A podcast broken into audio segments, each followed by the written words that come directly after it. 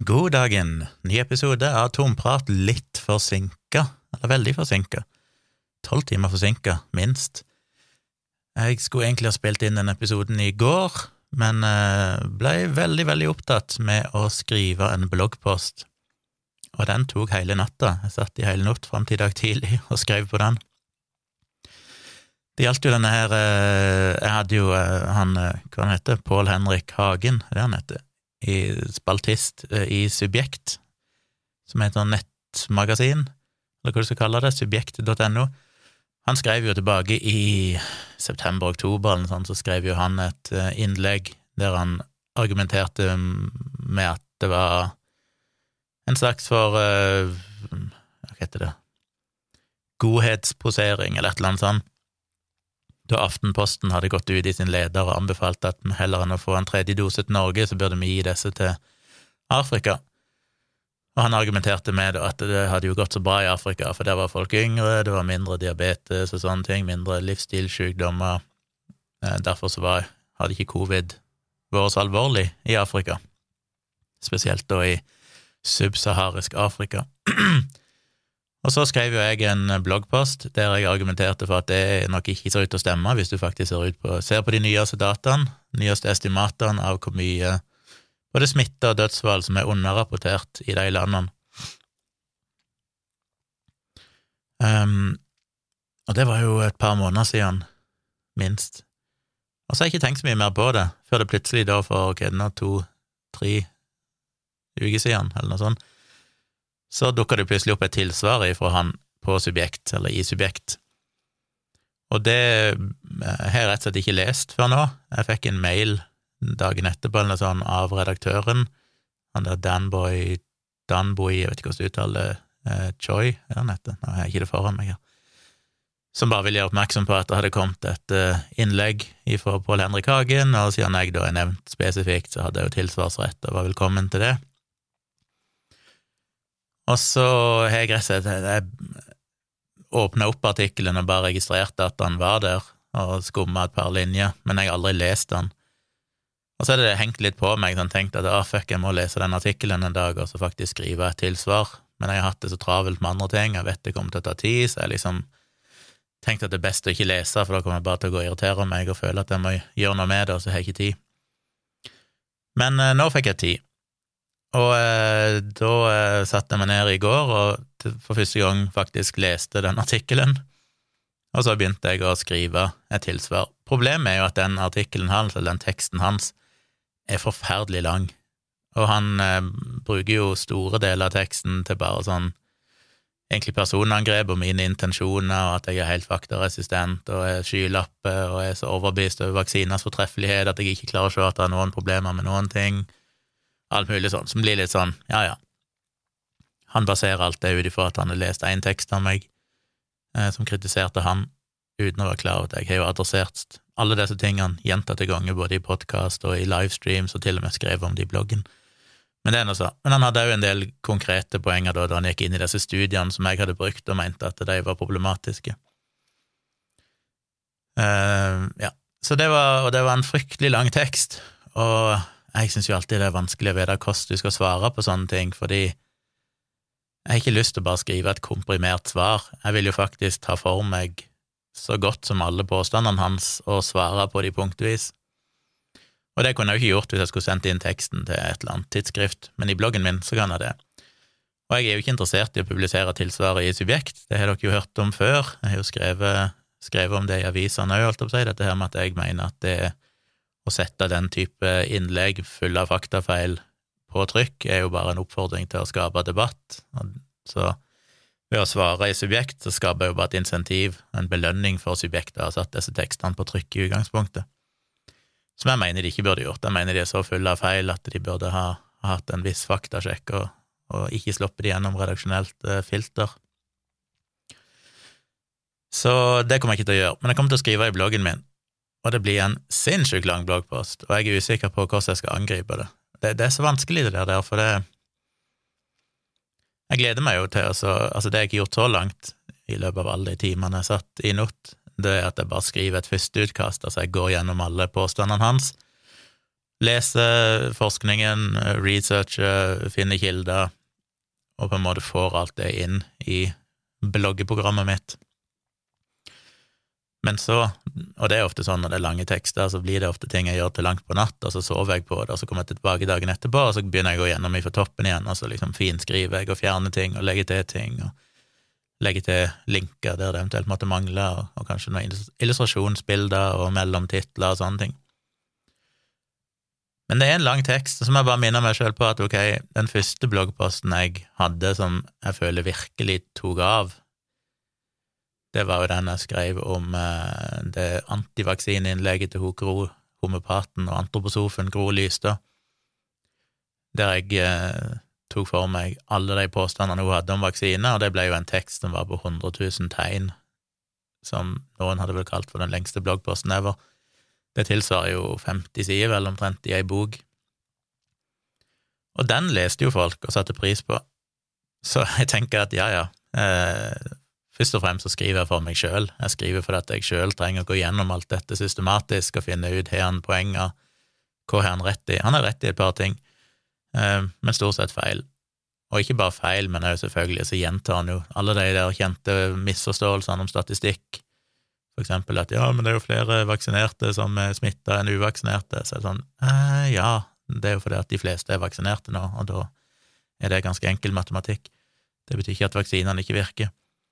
Påstanden om at eh, vaksiner hindrer ikke mutasjoner, eh, det vil ikke ha noen effekt på det, eh, mange sånne ting, da, som er bare sånn deprimerende at en fortsetter å gjenta den type ting. Han er jo helt åpenbart ikke spesielt positiv til vaksiner, og, generelt sett en på grensa til det jeg vil kalle en covid-fornekter, omtrent. Jeg skal ikke si det, altså, det virker ikke som at han ikke skjønner at covid kan være farlig, men han virker jo veldig mellom linjene kritisk til alle tiltak, og at alt er en overreaksjon, og at de som forsvarer vaksinering, har blitt grepet av hysteriet på grunn av at media har blåst opp dette, overdramatisert pandemien. Så det skinner jo gjennom hele veien at det er det som er utgangspunktet hans. Men ja, så jeg eh, må ta det punkt for punkt. Det blir en lang tekst, så får jeg se om jeg Jeg hadde tenkt jeg skal dele det opp i flere del-bloggposter, men er det noe poeng, liksom? Eh, kanskje like etter bare ha alt samla. Så jeg får se. Jeg satser på å få publisert den i løpet av dagen. Um, for det i utgangspunktet så skal jeg til Oslo i morgen. Jeg skulle egentlig inn og ha et par fotoshoots på restauranter. Den ene er jo allerede kansellert pga. covid-restriksjoner. Eh, de har fått så mye avbestillinger av gjester og sånne ting. Så da står jeg igjen med én fotoshoot, og så er jeg veldig spent på klokka sju i dag, i kveld, så skal jo eh, myndighetene komme med nye anbefalinger eller nye påbud. Og da spørs det jo om den andre òg ryker, det vet jeg jo ikke ennå, kanskje det blir tiltak som gjør at den andre restauranten òg ikke kan holde åpent, eller iallfall ikke ser det hensiktsmessig at det kommer. Og det er jo veldig, veldig kjipt, må jeg jo si. Um, da er det jo sånn at det er ikke noe poeng å reise til Oslo, bortsett fra at jeg skal være gjest i denne podkasten Opplysningsvesen, eller hva den heter, er det den heter, fra Human-Etisk Forbund, som jeg ikke har veldig lyst til. Uh, så jeg vet liksom ikke helt hva jeg gjør, om jeg da, hvis den andre blir kansellert, om jeg da reiser inn bare for podkasten sjøl, og så prøver jeg å booke om når jeg reiser hotell og sånn, så jeg kan komme hjem en dag tidligere. Jeg vet rett og slett ikke, så jeg, det blir avklart i kveld. Men det Ja, vi får se. Jeg er spent på, på hva som faktisk skjer med alt det. Men jeg, derfor må jeg få ut denne bloggposten i dag, iallfall før jeg reiser, for ellers så blir jeg ikke veldig happy med meg sjøl. Men jeg håper dere sjekker ut bloggen min eh, ja, i kveld, holdt jeg på å si. Dette, nå er det tirsdag 7. desember i kveld eller i morgen eller framover, så regner jeg med dere finner denne, dette tilsvaret mitt. Jeg håper mange vil dele det òg, for at, eh, jeg tror hans tekst fikk mye deling, for det er jo mange som syntes det var stas at han kunne liksom ta meg. Problemet er jo at inklusiv sånn som folk som Christian Gundersen, som skuffer meg, for det betyr jo at de har jo ikke egentlig lest det han skriver, for de faktisk sett eh, sjekka hans påstander, så ville de jo sett at han stort sett tar feil over hele linja, men det er mer en sånn hovering over at de setter pris på at noen skal liksom ta faktasjekkeren tjommelig.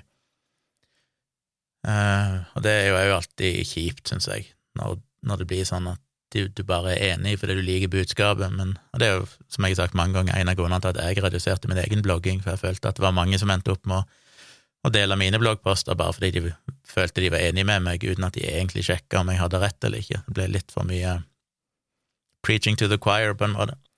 Og det gjelder jo begge veier, så jeg håper jo at folk kan være kritiske. Men, eh, men les gjerne og del gjerne den bloggposten når den kommer ut, både fordi jeg føler han fortjener et tilsvar, men òg fordi den inneholder jo fryktelig mye god informasjon, håper jeg, som er nyttig for folk å få med seg. En av de få saker jeg skal snakke om kom over en artikkel i går på NRK om moderne hekser,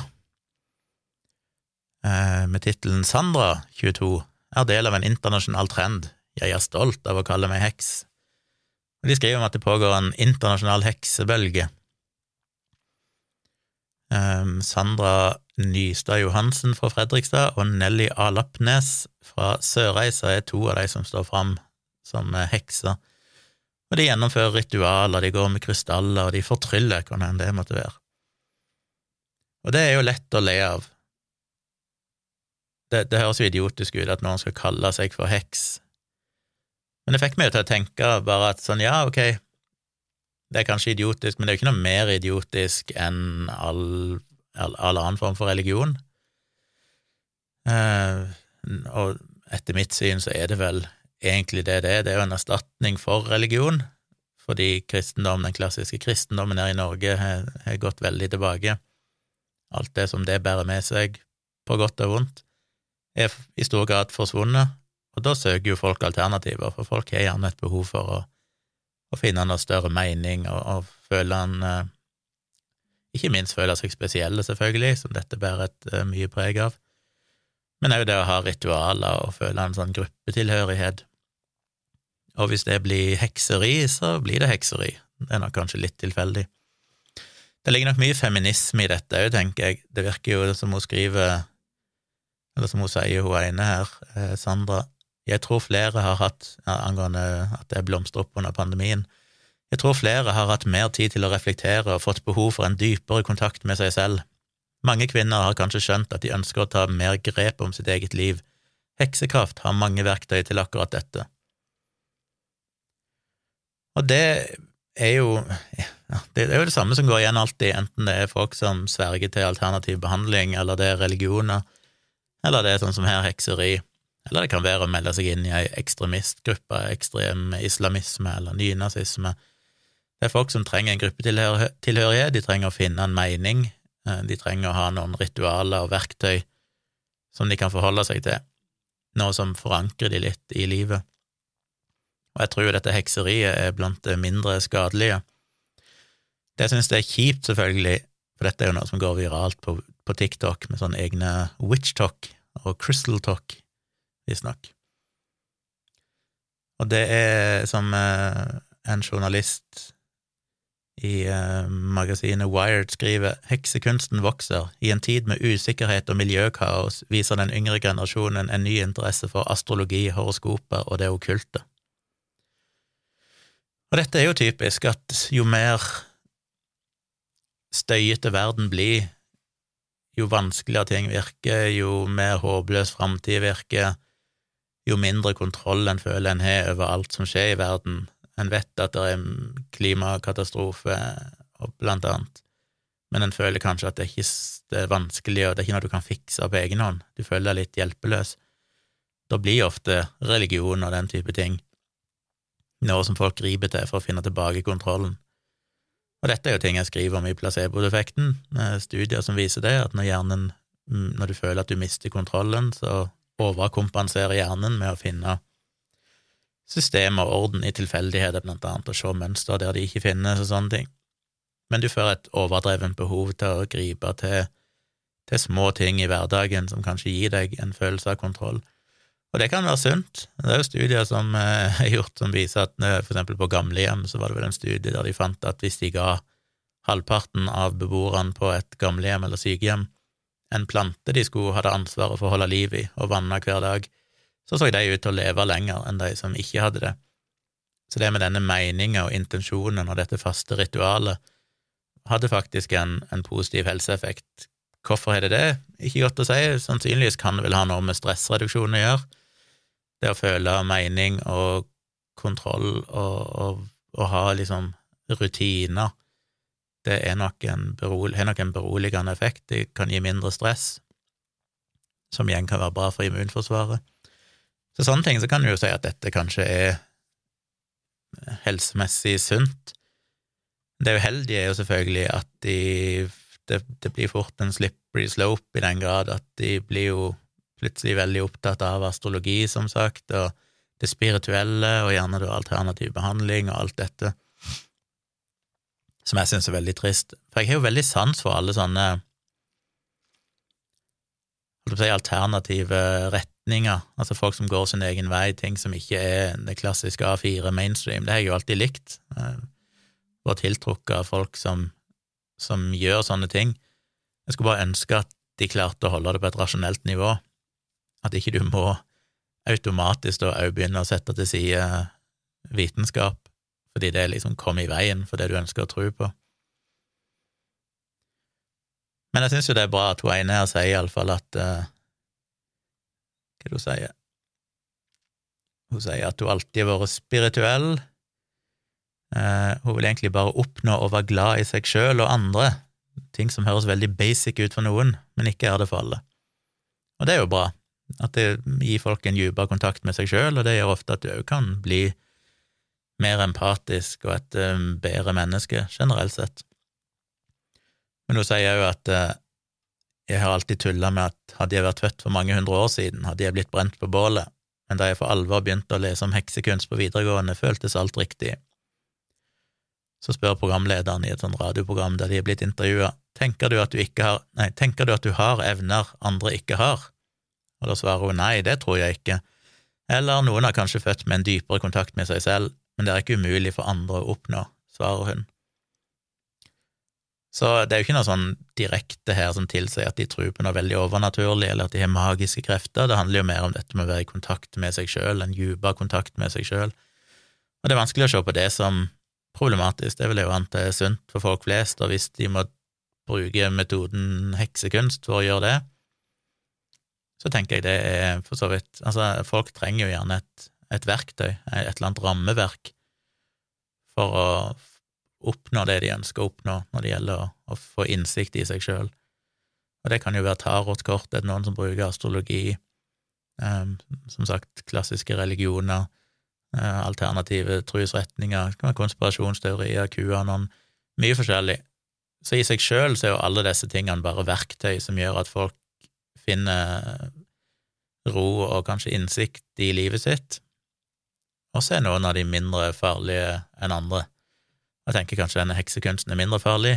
Går du over i QAnon og mer konservativ religion og sånne ting, så er det jo såpass mye som følger med i kjølvannet av det, av uheldige ting som påvirker andre mennesker òg, at det totalt sett blir usunt og ikke bra for samfunnet. Men akkurat disse heksene eh, tenker jeg vel ikke egentlig skader noen. Så jeg vet ikke, det var bare noen tanker jeg hadde om det.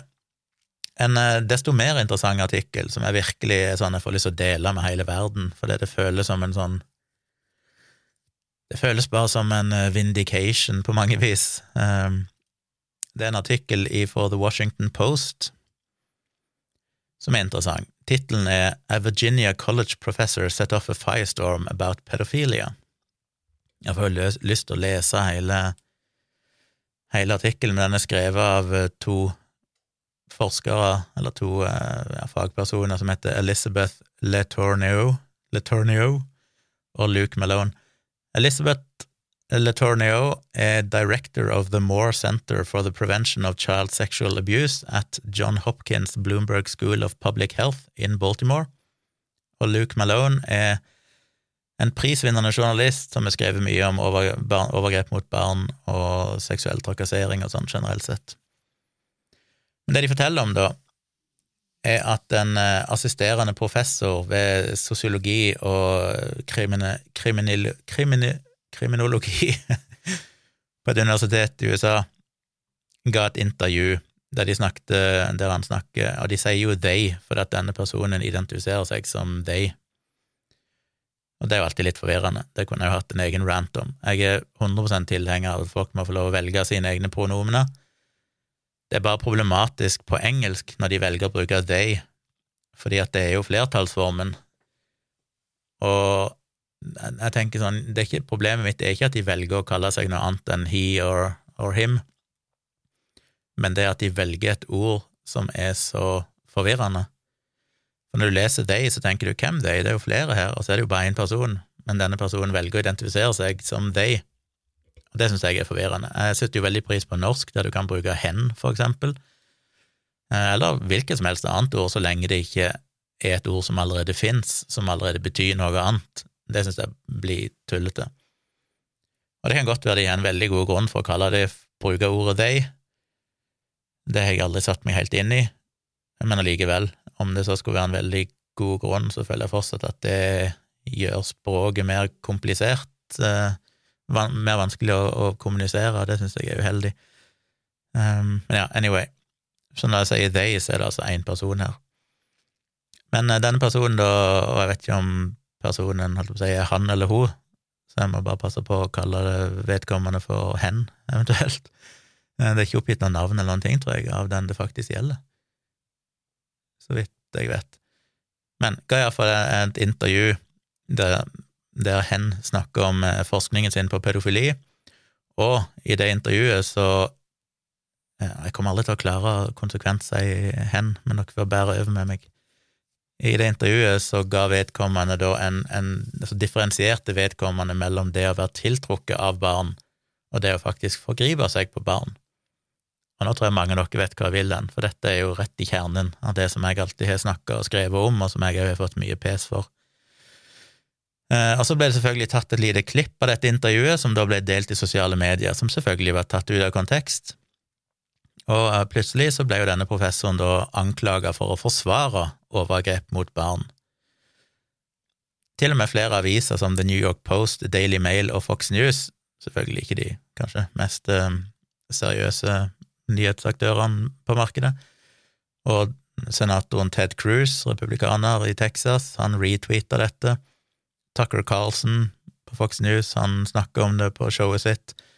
Og det ble masse protester på universitetet, han fikk dødstrusler, han måtte til slutt ha væpna vakt, han eller hun, hen, for å gå rundt eh, på campus.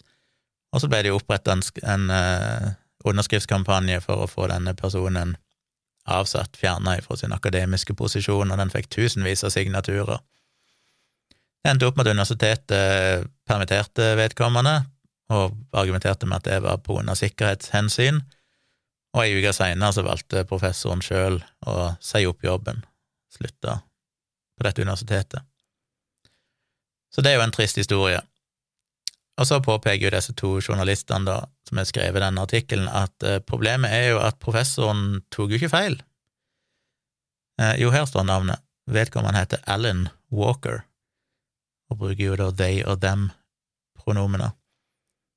Alan, A-L-L-Y-N, så det er jo et veldig sånn tvetydig navn, altså det er ikke noe som er verken et gutte- eller jentenavn, så det er vel en person som identifiserer seg som da ikke-binær, eller et eller annet sånt. Eh, det ligger vel i, i pronomene de velger. Uh, Hen hadde skrevet ei bok som heter A Long Dark Shadow, Minor Attracted, Attracted People and Their Pursuit of Dignity. Og der argumenterer jo da Alan Walker for at det å redusere stigma rundt folk med en seksuell tiltrekning, tiltrekning til barn reduserer eh, selvisolasjon, det forbedrer den mentale helsa, og det øker sjansen for at disse personene søker hjelp. Og som disse forfatterne av denne artikkelen påpeker, så er alt dette sant, og det er helt kritisk for å redusere sannsynligheten for at disse personene med sånn tiltrekning skal skal begå overgrep eh, i framtida. I dette intervjuet så sa jo da Alan Walker at det å bruke begrepet minor attracted person, MAP, som jeg òg har brukt tidligere, blant annet i den mailen jeg leste opp i, for den som han pedofile, eller han minor attracted person som kontakta meg, eh, han argumenterte, eller hen argumenterte for at det å bruke minor attracted person heller enn pedofil er fornuftig fordi at folk flest har en tendens til å tro at hvis du er pedofil, så har du da per definisjon enten forgrepet deg, eller du kommer til å forgripe deg på barn. For folk likestiller ordet pedofili med, med handlingen pedofilt overgrep. Og da påpeker de at det har han jo helt rett i, fordi mange, jeg ser de skriver mange, og det er selvfølgelig fordi det er vanskelig å vite om det er de fleste, eller om det bare er mange. Men mange av de folkene som har en tiltrekning til barn, vil aldri, og har aldri, forgrepet seg på et barn. Og så ble han jo enda mer forhatt fordi Sorry, jeg sier han, jeg vet ikke hvorfor jeg sier han, men hen, fordi eh, eh Walker sa at eh, det å ha en seksuell tiltrekning til barn i seg sjøl ikke galt, eller ikke ondt eller feil, så lenge de ikke har handla ut ifra det. Og det er klart, det er jo kontroversielt, og det er jo noe av det samme som jeg har skrevet. Fordi folk vil jo da anta at du mener at hvis de forgriper seg på barn, så er det uproblematisk, eller så er ikke det problematisk. Som er eh, for meg selvfølgelig rart at ikke folk klarer å skille mellom det og si at hvis du er født med en legning eller en diagnose, eller hva du vil kalle det, som gjør at du er tiltrukket av barn, så kan du ikke si at det i seg sjøl er galt. Folk må kunne ha akkurat de fantasiene og tiltrekningene de måtte ønske, eller ikke kan unngå å ha fordi de er født med det, men det er jo først når du handler på det, at du gjør noe som er galt. Det er jo handlingen som er gal, ikke selve attraksjonen i seg sjøl. Um, ja, fordi at disse folkene kan ikke nå for hvem de faktisk er tiltrukket av. Og så etterfulgte han jo det, uh, hen, det, umiddelbart med å si at han ville være ekstremt tydelig på at overgrep mot barn er aldri ok. Og det er jo det samme som jeg har gjort i bloggpostene. Den aller første bloggposten jeg skrev om pedofili, som heter En pedofil jævel? spørsmålstegn, så skrev jeg vel tre eller fem ganger, tror jeg, i teksten at overgrep mot barn skal selvfølgelig straffes, men så prøvde jeg liksom allikevel å forklare at det må være en forferdelig skjebne å være født som pedofil, og at det å være pedofil i seg sjøl ikke galt, og alt dette her. Men selv om jeg skrev det fem ganger, tror jeg, at uh, selvfølgelig skal du straffes hvis du forgriper deg på barn, så er jo den bloggposten litt brukt som 'Å, se Kjomli, han mener at det er greit å, å begå overgrep mot barn'. Så det er liksom sånn, hva kan du gjøre når du i en tekst skriver jeg husker som sagt ikke om det var minst tre, muligens fem ganger, i en relativt kort tekst, at selvfølgelig skal dette være straffbart, og du allikevel blir beskyldt for at ja, men egentlig så mener han at dette er greit, så blir det jo vanskelig å diskutere det, for det er sånn, hva kan du da si? Hvordan kan du i det hele tatt diskutere det temaet når du er så tydelig på at selvfølgelig er selve handlingen gal, eh, uten at du da samtidig ja, uten, hvis, du ikke, hvis, du ikke, skal kunne skrive det uten å bli mistenkeliggjort, så er det jo umulig å diskutere dette temaet. Men dette siste, da, med at han var, ville være ekstremt tydelig på at uh, overgrep mot barn aldri var ok, det ble jo selvfølgelig ikke tatt med i det klippet som ble delt i sosiale medier, og det hjelper jo selvfølgelig ikke på folks forståelse, selv om selv uten det så, burde jo, så er det ikke kontroversielt, det han sier. Så skriver de videre i denne saken at uh, den ene av de Eh, av de forfatterne her har brukt mer enn 30 år på å forske på overgrep mot barn, eller på forebygging av overgrep mot barn, og på liksom eh, lovverket og politiske strategier sånn rundt dette her. Og har skrevet, og den andre har skrevet veldig mye om dette som journalist, eh, både med masse intervjuer og rapporter om folk med tiltrekning mot barn, og de som er blitt utsatt for overgrep og skada av det. Og da sier de at we'd like to make one thing clear. Walker's research falls squarely in the field of child sexual abuse prevention, a field that recognizes the importance of identifying at-risk populations and figuring out how to assist them in leading healthy, non-offending lives. Som er bare sånn, Når jeg leser det, så blir jeg bare så glad, for det er sånn, ja, det er jo dette jeg skrev om i 15 år, eller noe sånt, og som jeg har fått så mye pes for. Men her presisere det igjen, at dette er 100% på linje med det fagmiljøene faktisk sjøl mener om dette. Skal du kunne forebygge seksuelle overgrep, så må du slutte å stigmatisere tiltrekning, tiltrekning mot barn. Du må heller legge til rette til at disse folkene kan føle seg si, normale i størst mulig forstand, fordi det gjør mindre sjanse for at de får psykiske problemer, eh, skader seg sjøl eller unngår å søke behandling fordi de har så mye skam rundt dette. Og så skriver de videre at dette er en relativt ny måte å angripe problemet på, fordi at samfunnet har veldig lenge sett på overgrep mot barn som en sånn tragisk, men uunngåelig del av livet, og noe du bare kan adressere etter at det er skjedd, gjennom å, å bruke eh, strategier knytta til måten du forholder deg til de kriminelle på, altså med overvåking og straff og den type ting. Det er ikke egentlig noe du kan gjøre for å forhindre det, det bare er der. Overgrep mot barn bare er der, og det viktigste vi kan gjøre, er jo å straffe mest mulig, og få tatt disse folkene og straffe dem. Og det er jo Frp-strategien som jeg nevnte når jeg var i debatt med Per-Willy Amundsen, og for så vidt som jeg har skrevet om flere ganger tidligere, så er jo det Frp sin idiotiske strategi. De er jo ikke opptatt av å forebygge, ikke opptatt av å vise empati mot de som har denne tiltrekningen, selv om det selvfølgelig er det som vil redusere overgrep, som vi vet. De er heller opptatt av å stigmatisere de, henge de ut, uh, shame de, sette de i offentlig gabestokk, og da straffer de gjerne med 50 eller års fengsel eller noe sånt, hvis de kan fordi det er det som virker, mener de, og det gjør de jo selvfølgelig ikke. Eh, så skriver de videre at selvfølgelig er det viktig at folk som forgriper seg, blir stilt eh, til ansvar, rent sånn rettslig, eh, og òg selvfølgelig hjelpe ofrene for overgrep, men alt det er for lite, too little too late, siden det skjer etter at overgrepet allerede har funnet sted, og et barn er blitt skadet. Så målet her, og det som han eller hun eller hen Alan Walker har jobba med, er jo dette med å prøve å endre holdningene til å heller se på overgrep som noe du faktisk kan forebygge, som et sånn offentlig helseproblem, heller enn som bare en sånn tragisk, uunngåelig ting som skjer i ny og ne. Og så påpeker de at det gjør vi jo på stort sett alle andre områder. Eh, hvis for eksempel foreldre banker opp ungene sine, hvis de utøver vold mot unger, så anerkjenner vi jo at ansvaret ligger hos den voksne, og så prøver en å, finne strategier og målretter for å prøve å forhindre dette, og samtidig allikevel holde de voksne ansvarlige hvis de gjør dette. Men det har vi ikke gjort med, med barn, eller med overgrep mot barn. Vi har ikke prøvd å finne hvilke folk som faktisk er i risiko for å ha disse, denne tiltrekningen, og finne måter du kan gripe inn og behandle og hjelpe på. Eh, fordi folk bare ikke klarer å forholde seg til problemet. Det, det blir sett på som for ekkelt og vanskelig. Eh, og ikke minst når du da fremstiller pedofile, folk med tiltrekning mot barn, som monster, så er det vanskelig å hjelpe dem, for da antar du at dette skyldes ondskap, og at dette er folk som ikke vil ha hjelp, og dette er folk du, som ikke vil ha noe med samfunnet å gjøre, og så er jo det som regel det motsatte tilfellet. det er folk som sliter veldig mye med sin egen seksualitet og sine følelser, som i aller høyeste grad vil ha hjelp hvis de kunne fått det, men de kan jo ikke snakke med noen om det. Um, til og med vanskelig å snakke med leger og psykologer og sånn, for det at det, er så lite kunnskap på feltet, og en føler seg bare skamfull og stigmatisert. Ja, så skriver de litt mer om bare hvilken metode en må bruke, at en må jobbe forebyggende her, og, og eh, og vise empati mot de som har den tiltrekningen, og heller prøve å hjelpe.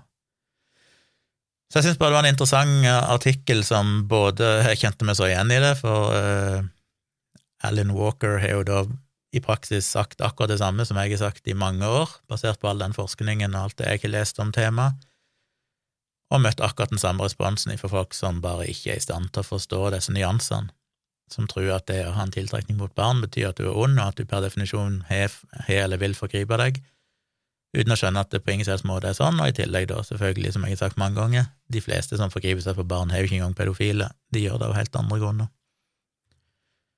Så forferdelig trist at debatten fortsatt er der, men òg da veldig modig og bra at disse journalistene, eller forskerne, skriver denne artikkelen og tar parti med Alan Walker og forklarer hva som egentlig ble sagt, og at dette faktisk er i tråd med, med det alle som har jobba med forskning på dette i lang tid, faktisk vet, og òg prøver å oppnå, selv om, om det ikke er så um, utbredt forståelse for dette i samfunnet generelt sett.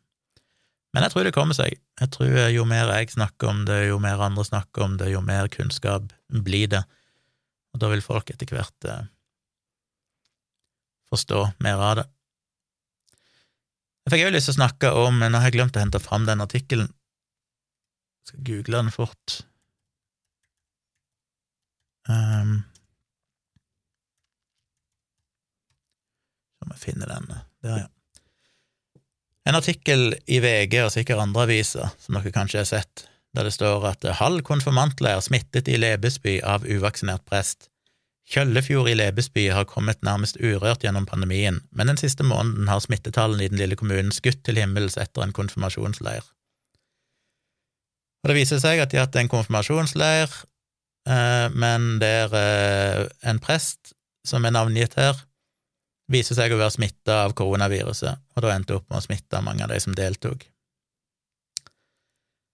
Han hadde en, tatt en test i forkant av arrangementet som var negativ, men det viste seg at han var smitta likevel. Omtrent halvparten av konfirmantene endte opp med å bli smitta, og de gikk da hjem og smitta folk i husstandene sine, og, og, så videre, så da sprer det seg jo fort. Og så har det jo vært mye meninger om det. Eh, selvfølgelig syns jeg jo denne presten er en idiot som ikke har vaksinert seg.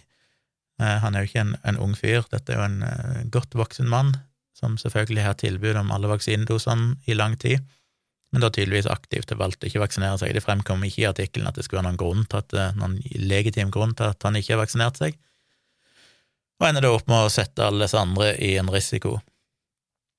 Og det kan vi alle fordømme, og det er idiotisk og alt dette her, og jeg synes det er selvfølgelig legitimt at pressen skriver om det. Det jeg er mer usikker på, er jo om det er riktig å navngi personen og ha bilde av, av denne presten. Det syns jeg egentlig ikke er greit. Jeg syns eh, For dette er jo Altså, én ting er jo om det var en sentral politiker, statsminister, altså et eller annet sånn der det virkelig kunne ha Ja, der det har en sånn stor betydning, men dette er jo basically en, en vanlig person. Han er prest, men han er jo ingen, ingen kjendis eller offisiell uh, posisjon sånn utover det.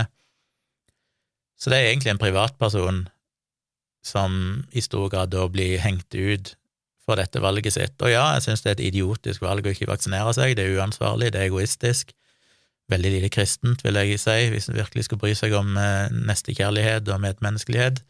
Jeg tror Jesus hadde vaksinert seg. Men, men allikevel så bare føles det uggent at vi skal drive og shame folk på den måten, når det ikke er en, som sagt, en person som er i en spesiell rolle i samfunnet. Um, ja, jeg har ikke så mye mer å si om det, jeg bare følte for å, å tydelig uttrykk for at det syns jeg ikke er greit. Jeg syns det er litt rart at uh, pressen gjør det. De er jo veldig forsiktige med å navngi og identifisere folk som har gjort til dels alvorlige kriminelle handlinger. Men her så ser det ut til å bare avbilde vedkommende og, og gi fullt navn helt uten videre. Og hva da hvis en av disse konfirmantene, veldig liten sjanse for det selvfølgelig, for det er unge folk, men det kan være de kommer hjem og smitter noen i familien sin eller besteforeldre. Hvis det fører til dødsfall, så kan en jo si at det er et slags indirekte drap, for det er det jo, hvis du med viten og vilje nekter å vaksinere deg, og da vet at du faktisk går rundt og er en smitterisiko for andre med et virus som er dødelig, så, så mener jeg jo at du må til en viss grad kunne holdes ansvarlig for de dødsfallene som kommer i kjølvannet av det. Så går det selvfølgelig en grense for hvor mange ledd kan du strekke deg. På et eller annet tidspunkt så er jo da alle ansvarlige, hvis de noensinne har vært smitta. Men eh, innenfor liksom et par ledd eller sånt, så må en kunne sies at du er ansvarlig. Og Da blir det jo mer som en kriminell handling, og vil en da ha identifisert noen som er sikta for drap, før det foreligger en dom, og til og med når det foreligger en dom, så gjør du vel sjelden det, med mindre den personen som har en spesiell, at det er en spesiell grunn til at vedkommende trenger å identifiseres. Alt dette her. Så det bare virker veldig rart for meg at de, de slenger opp svære bilder og navn av denne presten det føler jeg er, er galt, å gi jo vann på mølla til folk som mener at det er en sånn offentlig press mot vaksinering, at det ikke er egentlig frivillig, at du blir hengt ut hvis ikke du vaksinerer deg. Jeg mener jo at vi skal kritisere og argumentere mot de som velger å ikke vaksinere seg, men du skal ikke slenge fram bildet deres på forsida av Norges største aviser med fullt navn og liksom si 'se her, han her smitter andre'. Det føler jeg blir galt. Jeg ble jo tipsa om et intervju med vår kjære landsmoder Gro Harlem Brundtland i et intervju på et radioprogram som heter NRK Drivkraft, med programleder Vegard Larsen nå nylig. Så var det et intervju med Gro Harlem Brundtland, og en lytter har sendt meg en mail og tipsa meg om det. Og det er vel et timeslangt en sånn intervju, men allerede helt i starten, etter rundt fire minutter, så blir jo så kom det opp dette her med mobilstråling og hennes påståtte elallergi, og det snakket de om i noen få minutter, så jeg har bare hørt akkurat den lille sekvensen. Det var det som interesserte meg. Og det er jo så interessant, for det Gro Harlem Brundtland, hun, en merker jo at hun er jo litt sånn uvillig kanskje til å komme inn på det temaet, for at som hun sjøl sier, at når hun sier noe om det, så blir det plutselig avisoppslag. Jeg har ikke sett en avisoppslag om det i etterkant, så det ser ikke ut til at folk bryr seg så mye lenger. Men, eh, men hun er jo veldig tydelig på det fortsatt, og det har hun vel påstått helt siden iallfall 90-tallet, om ikke 80-tallet. Så jeg vil jo hevde at hun er overfølsom for eh, elektriske felter, da, eller elektromagnetisk stråling. Og det mener hun da tydeligvis fortsatt at hun. Hun snakker om at hun er på hytta si, der har de ikke internett, men hun bruker mobilen sin som en sånn hotspot, at hun setter opp deling av 4G til wifi, og så sitter hun med iPaden sin og leser mail og svarer på mailer og leser nyheter og sånn. Jeg sliter jo veldig med å forstå logikken i det, fordi argumentet hennes er at eh, det går bra fordi at eh, hun, hvis hun har mobilen mer enn 60 cm unna, så merker hun ingenting til det. Så hennes idé er altså at mobiltelefonen den tar imot 4G-signaler, deler det ut som wifi, men så lenge mobilen er mer enn 60 cm unna, så går det greit. Og så glemmer hun at ja, men hun sitter jo da med en iPad i fanget som har direkte kontakt med denne wifien. Hvorfor er ikke det et problem? Men det ser ikke ut til å være et problem. Så lenge mobilen ligger 60 cm unna, så kan du sitte med iPaden i fanget men du kan ikke bruke mobilen direkte, for altså det, det, gir jo ingen mening, og det viser jo bare så tydelig at dette her er en nocebo-effekt. Dette er en frykt hun har fått, basert på at hun assosierer mobilen sannsynligvis med et stressmoment. Kan være hun har hatt noen traumatiske opplevelser i en mobilsamtale, eller at hun har hatt perioder Hun har jo hatt topplederjobber internasjonalt, leder i Verdens helseorganisasjon og sånn, tidligere, og det klart at det er sikkert en ekstremt krevende og stressende jobb, og det er ikke rart på mange måter at du kan begynne å assosiere for eksempel mobiltelefon eller datamaskin med noe som er så stressfullt knytta til jobb, at du rett og slett blir dårlig av det. Og det kan gjelde mange av oss, mange forskjellige ting, helt uavhengig av mobilstråling. Altså, det er elementer i livet vårt som vi assosierer med noe som er så vanskelig og stressfullt at bare tanken på det, eller det å se det, kan, være, kan trigge en sånn traumatisk omtrent eh, opplevelse. Og det tror jeg nok ligger til grunn for mye av denne elallergien som òg forklarer hvorfor folk tror at de blir bedre hvis de flytter inn til ei hytte i skogen der det ikke er noe stråling. Det handler nok veldig lite om at det ikke er stråling der, men det handler om at de da fjerner seg ifra bylivets uh, uh, mas og stress, og det er jo det som egentlig er den lindrende faktoren. Hun hevder jo at hvis hun tar mobilen opp mot øret, så får hun dundrende hodepine, men hun kan altså bruke handsfree. Det går greit. Og det er jo veldig rart, dette her, for det at, eh, ja Hun er jo omgitt av denne strålingen uansett. Altså 4G-strålingen er jo der, uavhengig av om mobilen er der eller ikke. Så jeg skjønner ikke helt uh, hva som er logikken med dette med 60 cm avstand òg. Altså, strålingen synker vel eh, med kvadratet når du dobler avstanden, så det er en ganske stort fall ifra, for hver centimeter du beveger deg vekk fra telefonen, så faller vel strålingen, intensiteten, med, med en, til en fjerdedel, nei, til en, eh, en eh, kvadratroten, gjør det ikke det? Jeg husker ikke de tallene nå, men det, det synker veldig fort.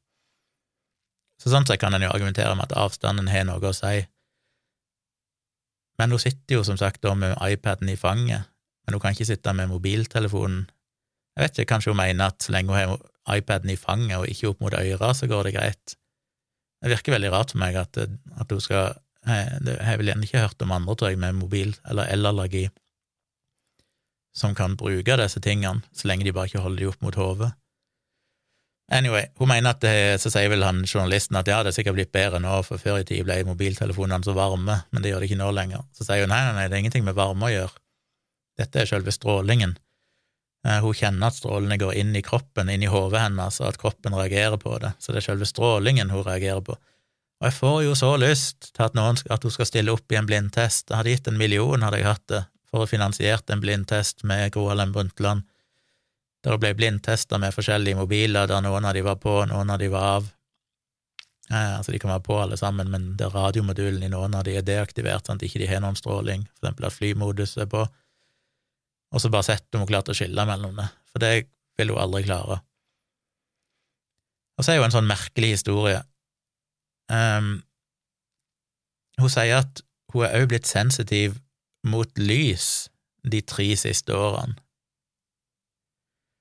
Og, det, og jeg, jeg, skjønner ikke helt hva hun prøver å si, men hun forteller en historie Hun sier først at hun reagerer på strålingen fra mikrobølgeovner, sier hun først. Men så sier hun etterpå at men det er jo ikke på samme måte som med wifi og mobil, for med mikrobølgeovner så er det jo en skjerm foran som beskytter, altså strålingen lekker jo ikke ut i stor grad. Eh, hvis ikke det er noe feil med mikrobølgeovnen, så er jo den isolert inn, i selve ovnen, da. Men hun hadde visst en opplevelse, hvis jeg tolker henne rett, der hun Eller hun sier at hvis du putter noe av metall inn i mikrobølgeovnen, for eksempel, og det er jo vi her et stort problem, vi har noen tallerkener som det er sånn gullmaling på, og hvis du putter dem inn i mikrobølgeovnen, så slår det jo gnister, for det inneholder metall. Um, så hun snakket vel om at en eller annen gang så hadde hun gjort det, da sannsynligvis for tre år siden, putta et eller annet inn i ovnen som førte til en sånn eh, gnistring, og da sier hun at da forsvinner beskyttelsen i mikrobølgeovnen, som jo ikke gir mening i det hele tatt. Altså fordi du får en sånn elektrisk utladning inni ovnen, så skal på en eller annen måte dette Faraday-buret, som vel egentlig er det som er rundt, som ikke slipper ut elektromagnetisk stråling, det er bare slutter å virke, som jo bare er tull. De fysiske lovene tilsier at hvis du omgir dette med et sånn metallgitter, så slipper det ikke ut. Om du får en overspenning inni der eller et eller annet, betyr ikke at plutselig denne beskyttende effekten bare forsvinner. Så hun mener at det skjedde, og da kjente hun at strålene gikk rett inn i øynene på henne, gikk ut gjennom døra på mikrobølgeovnen og rett inn i øynene på henne. Som er sånn, ok, ja, du, det kommer jo lys ut, det er jo elektromagnetisk stråling, som for øvrig har mye høyere energi enn den 2,4 gigahertz eh, elektromagnetiske strålinga i mikrobølgeovnen eller i wifi eller i mobilnettet.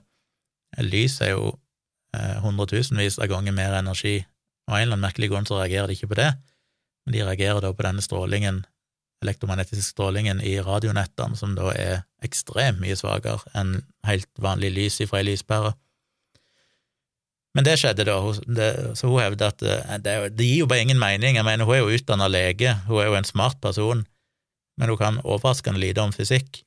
Så de der påstandene hennes om at fordi hun fikk en elektrisk utladning i, mobil, i mikrobølgeovnen, så forsvant beskyttelsen i døra, og da gikk det stråling rett inn i hodet hennes, og etter det så er hun vært følsom for lys òg, og må bruke solbriller og, og alt. Det, det, det virker jo som psykiatri, og jeg lurer på hva som er blitt gjort med det opp gjennom tiden, jeg må jo fått noe hjelp, om det er noen som har prøvd å gripe inn, og, og, for dette er jo ting jeg tenker kan, kan helbredes gjennom en psykolog. At dette er en form for traume, angstreaksjon hun får knytta til noen uheldige opplevelser, noen skremmende opplevelser, noen stressfremmende opplevelser. Så hun sier det går helt fint å flyge så lenge hun kan dra ned solskjerm, ikke få for mye lys, eh, som er jo litt rart, da, fordi at eh, jeg tror det er mange situasjoner i livet hennes der hun er utsatt for vesentlig mye mer elektromagnetisk stråling enn det hun er hvis hun har en mobil i nærheten av seg, men bare der vet hun det ikke, for hun ser ikke noen ting sjøl av de enhetene som faktisk stråler. Så det er jo bare så klassisk nocebo-respons, alt det hun forteller, og det gir jo ingen mening rent sånn fysisk. Så ja, interessant. Jeg skal lenke til alle disse artiklene jeg snakker om, og denne intervjuet med henne i shownote, dere kan høre sjøl. Eh, et par tanker bare til slutt om eh, omikron-varianten av viruset. Og vi vet jo ingenting ennå, det vil fortsatt ta noen uker før vi vet mer. Men jeg syns jo det er interessant at alt det Jeg følger jo med på ganske mange fagpersoner på Twitter og sånn, og følger med på alt det de publiserer eller skriver hele tida om mest, de mest oppdaterte data fra Sør-Afrika og sånn, og òg det som Folkehelseinstituttet nå har, har, skrevet, så er det vel etter hvert en ganske utbredt forståelse av, selv om det kan være feil selvfølgelig ennå, men, men det virker som at dataen peker i retning av at omikron er vesentlig mer smittsomt, men ser ut til å være mindre farlig. Og det er jo for så vidt en god ting, men det er jo komplisert, for dette fører jo til at uh, selv om risikoen for det enkelte individ som blir smitta av omikron-varianten, vil være mindre fordi den er mindre sykdomsfremkallende, så kan det likevel føre til en økt belastning totalt sett i samfunnet fordi flere blir smitta.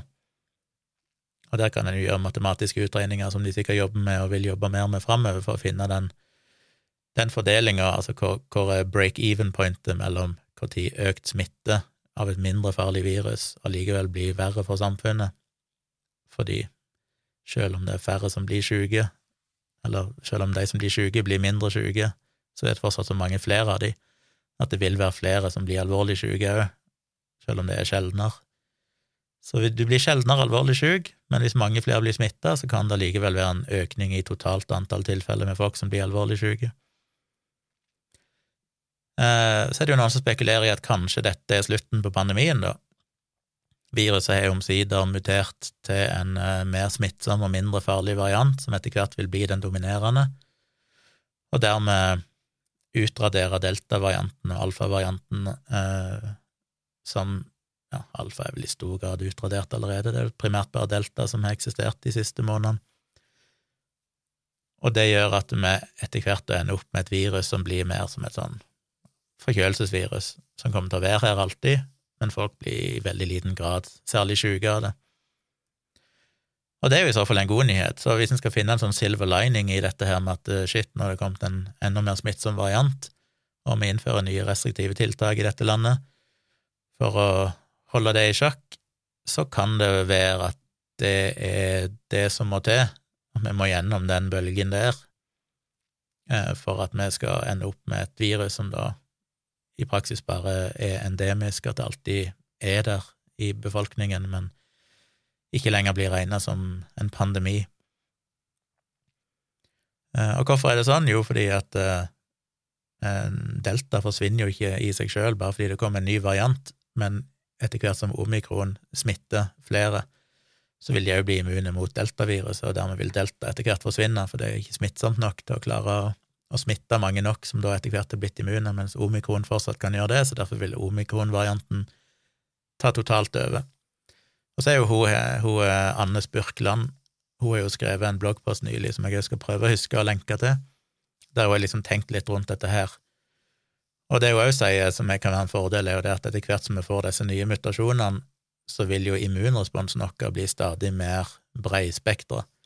Etter hvert som flere som har vært smitta kanskje av alfavarianten, og til og med av delta, og så i tillegg kanskje blir smitta av omikron, så begynner du etter hvert å få et så robust immunforsvar mot uh, denne nye koronaviruset at, uh, at til og med nye varianter vil du være immun mot, fordi det, det er grenser for hvor mange mutasjoner du kan ha som, som vil være unike til slutt, som ikke vil være der det ikke vil være nok gjenkjennelige ting for immunforsvaret å reagere på. Eh, så det er nok eh, kanskje den veien det går, og det er jo en av argumentene mot de som mener at vi må vaksinere folk én eller to ganger i året i overskuelig framtid. Nei, mest sannsynlig ikke, fordi både med nye varianter som smitter folk, som gir en, en, syk, en virusfremkalt immunitet, og etter hvert kanskje nye varianter av vaksinene, som òg gir en immunitet, så vil du få så mange Så vil det bli så brei immunitet til slutt du vil, du vil dekke så mange forskjellige eh, variasjoner av dette piggproteinet at du egentlig vil være immun til slutt mot alt. Og så er det jo det som jeg har sagt tidligere, at viruset kan ikke mutere uendelig. Det kommer et punkt der viruset vil mutere seg sjøl i hæl. Altså det, det, vil ikke være de, Sånne mutasjoner vil til slutt gjøre at viruset egentlig ikke kan smitte lenger til slutt. Så det vil bare være det, det begrensa antall variasjoner som faktisk kan være smittsomme, og i tillegg kan være farlige. Så det betyr jo på mange måter at vi kan risikere at pandemien til en viss grad brenner ut av seg sjøl etter nå en ny stor bølge som sikkert vil vare utover i 2022. Men det kan jo da, hvis en skal være optimist, bety at 2022 kanskje blir det siste året vi trenger i stor grad å ha noen form for restriksjoner. Etter det så, så blir kanskje dette Kanskje det blir omikron-varianten eller en enda ny og smittsom, mer smittsom variant, som kanskje da heldig, forhåpentligvis er mindre farlig. Vi vet jo ingenting, dette er spekulasjoner, men det gir en slags logisk eh, En slags fornuft i måten å tenke på, eh, som da er hun Anne eh, ser ut til å, å mene, selv om hun òg sier at dette er jo bare spekulasjoner, men ut ifra hennes forståelse så er det en, en måte å, å se dette på. Så det kan jo gi litt sånn optimisme, da, selv om folk sikkert nå er veldig nedtrykt av at å, shit, skal vi inn i en enda en bølge og enda mer restriksjoner. Det kan være at det på en måte er en god ting, at det kan være det siste vi trenger for å komme ut av denne pandemien. Vi får se. Og nå ser jeg jo at de har fremskynda dose tre-tallet over 45 år. Du kan få den fem måneder etter dose to, og jeg er jo, det er jo mer enn fem måneder siden jeg fikk dose to, så teknisk sett så betyr det at jeg kanskje får en innkalling til en dose tre. Eh, vil jeg ta den? Ja, det vil jeg. Jeg, som jeg har sagt alltid, jeg skulle jo allikevel ønske at vi ikke hadde delt ut den dose treen til oss, men at den heller hadde gått til folk som trengte det mer enn oss.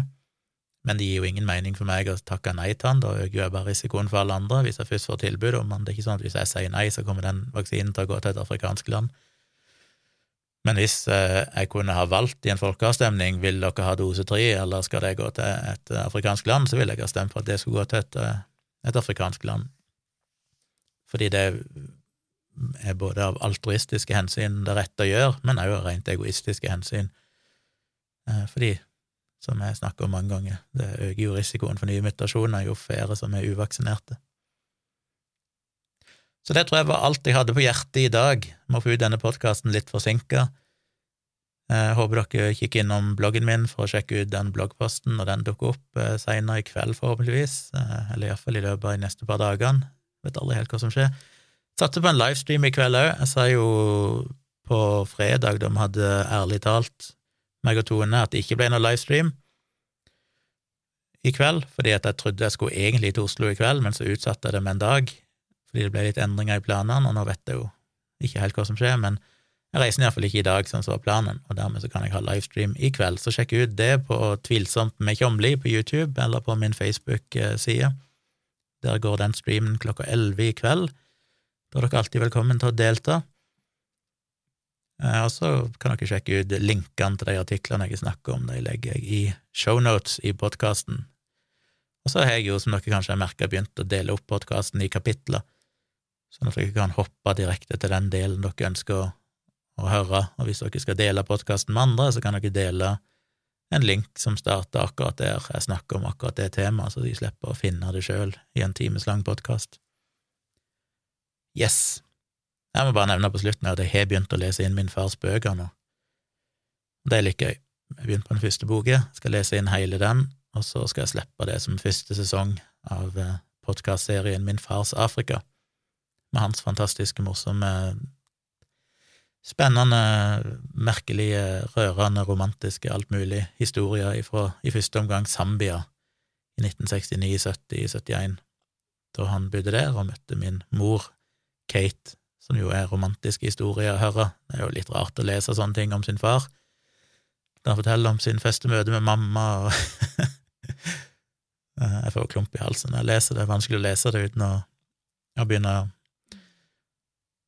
å grine litt, men jeg prøver å ta meg sammen og få lest gjennom det. Så det håper jeg å få lansert nå, kanskje rundt juletid. Kanskje jeg da klarer å få pushe ut første sesong. Og så er det jo to bøker til etter det, som jeg kommer til å lese inn hvis jeg får noe god respons på de to på denne første. Så det kommer. Følg med. Jeg skal gi dere link og sånn til den nye podkasten når den er ute.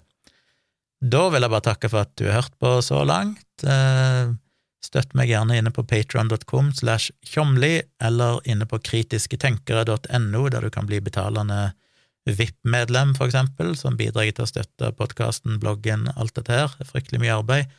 Håper dere setter pris på det, håper dere verdsetter folkeopplysning og kritisk tenking og vil støtte arbeidet mitt, så kan dere gjøre det der. Yes. Vi høres igjen om noen få dager, eller eventuelt i kveld på livestreamen, hvis dere dukker opp der.